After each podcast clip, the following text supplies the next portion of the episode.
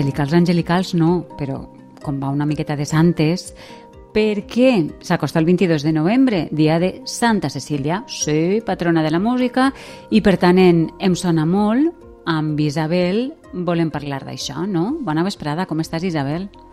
Hola, bona vesprada. Molt bé, en ganes, en ganes de contar-vos coses i sí, ara que s'acosta Santa Cecília, eh, que és la patrona de la música, com tot el món sap, i més especialment els valencians i les valencianes sabem, mm. així que he pensat que estaria bé saber qui va ser Cecília abans i, i després de ser santa i d'on ve aquesta vinculació amb la música i per què i com se la venera. Perfecte. Comencem pel principi. Qui va ser Santa Cecília? Doncs Susana, ja, ja comencem així un poc regular perquè no està del tot clar qui va ser. Segons Mare explica meva. la llegenda, sí, insistís que és una llegenda, Santa Cecília va ser una dama noble de Roma, de nom Cecília, mm -hmm. que va viure en aquella ciutat cap a l'any 200 després de Crist.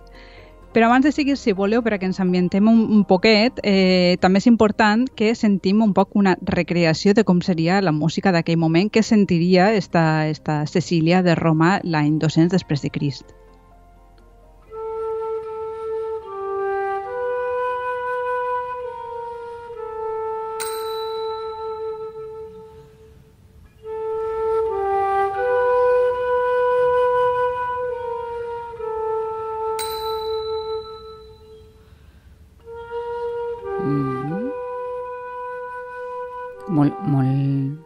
Senzilleta, no? Molt calmadet. Sí, molt perquè en tenim molt, molt poques restes, aleshores és un poc el que s'ha pogut reconstruir i de fet tampoc estem segurs que són així, però bé, segurament seria això, eh? amb algun senzill instrument, un acompanyament de mm -hmm. xicoteta percussió eh, en esta ocasió.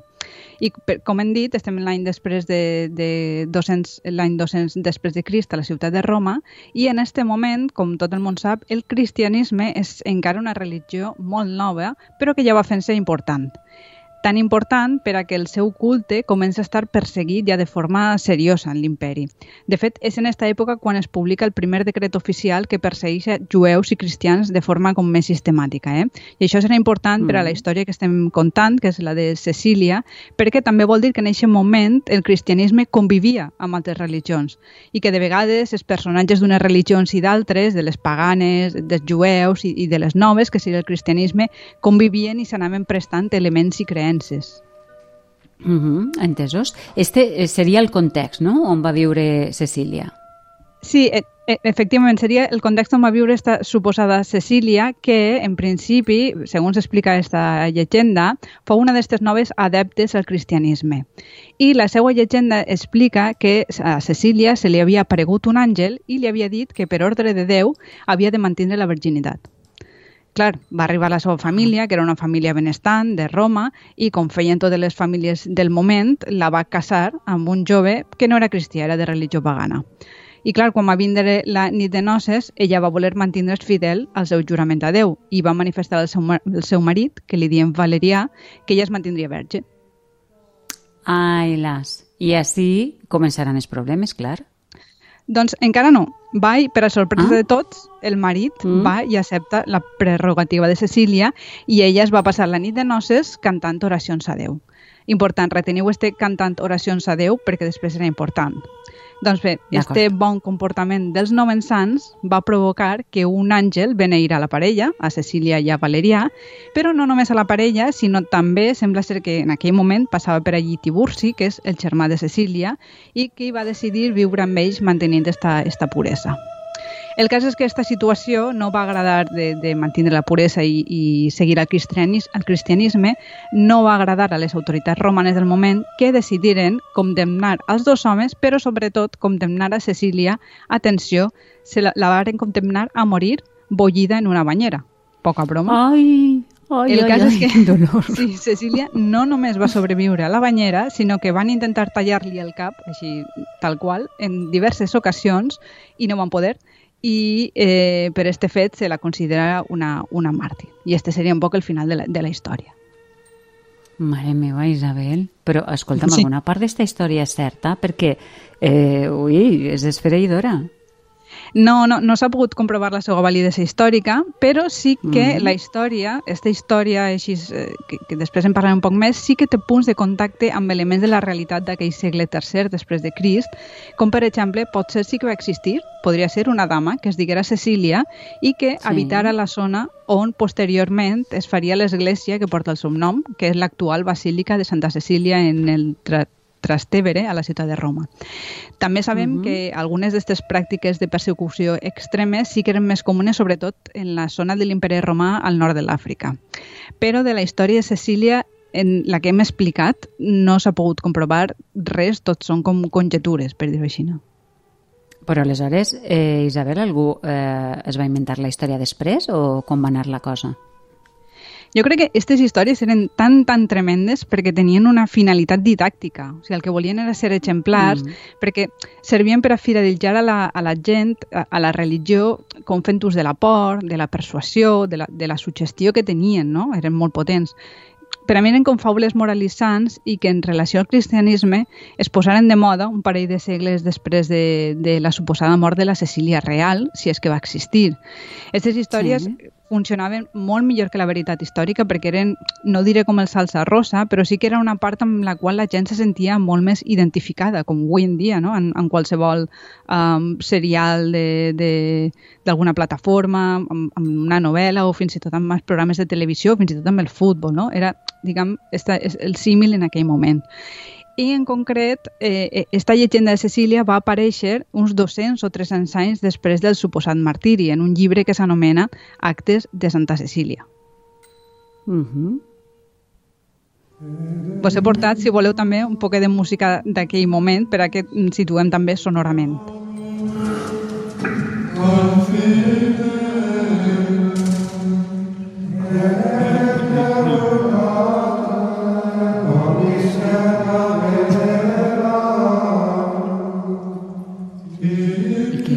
escoltem, Isabel?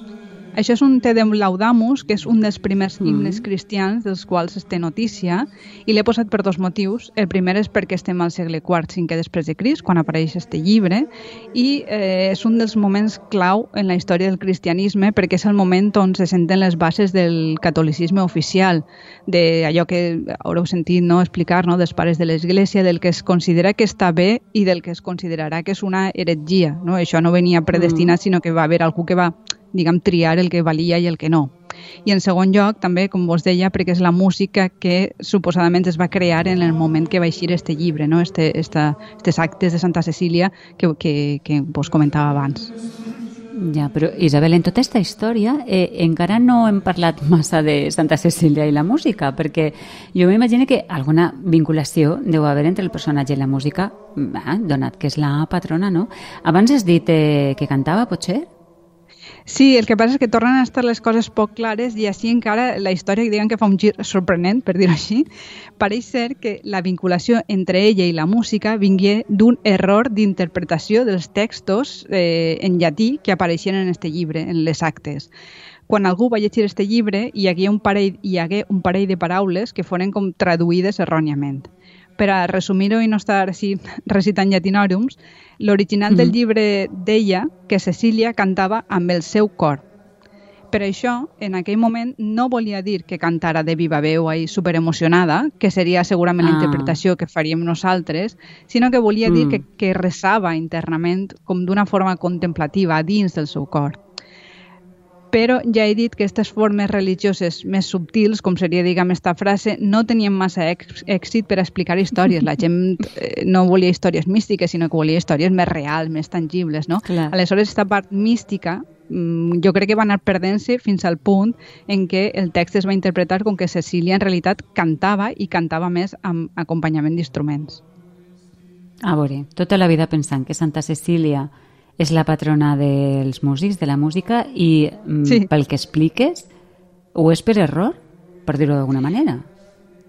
error igual no seria la paraula perquè en realitat ens està ensenyant, tot i que la història igual no és del tot verídica, ens està ensenyant com era la gent d'aquell moment i quines eren les coses que els interessaven. Per exemple, els historiadors els sobta que aquesta història de Cecília aparega com, amb tanta força, no? perquè de, de repente se la considera una santa molt important, aparega amb tanta força mm. del no-res. I això podria ser que és perquè Santa Cecília estava molt relacionada amb una deessa pagana de nom Bonadea, que tenia el seu lloc de culte al mateix lloc on plantaren esta primera basílica de Santa Cecília. Esta Bonadea era com una mena de, de, de esa oracle i se la relacionava amb fet de trobar la llum, que era com una manera de dir que el seu culte estava també relacionat amb la ceguesa. Un dia parlarem amb, amb més calma del sex, però és que són molt importants per a la història de la música i aleshores uh -huh. hi ha autors que defenen que el nom de Cecília tindria, vindria en realitat de la paraula en llatí caesitas, que en llatí vol, designava els invidents. Ah, mira, veus, esta part de la història sí que és bonica.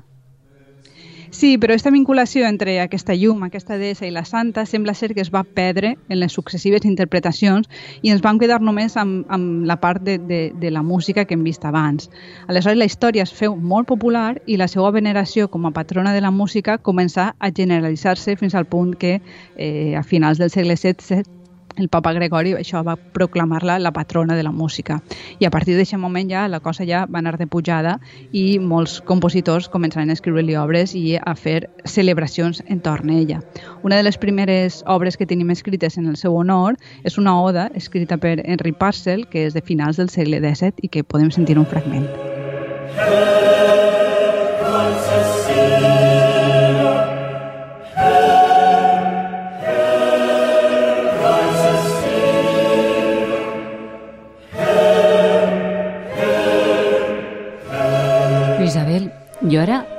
Estic recordant un programa on ens vas comentar que això de cantar a l'església a les dones no estava massa ben vist i com casa això amb una santa que canta i a més està envoltada d'instruments?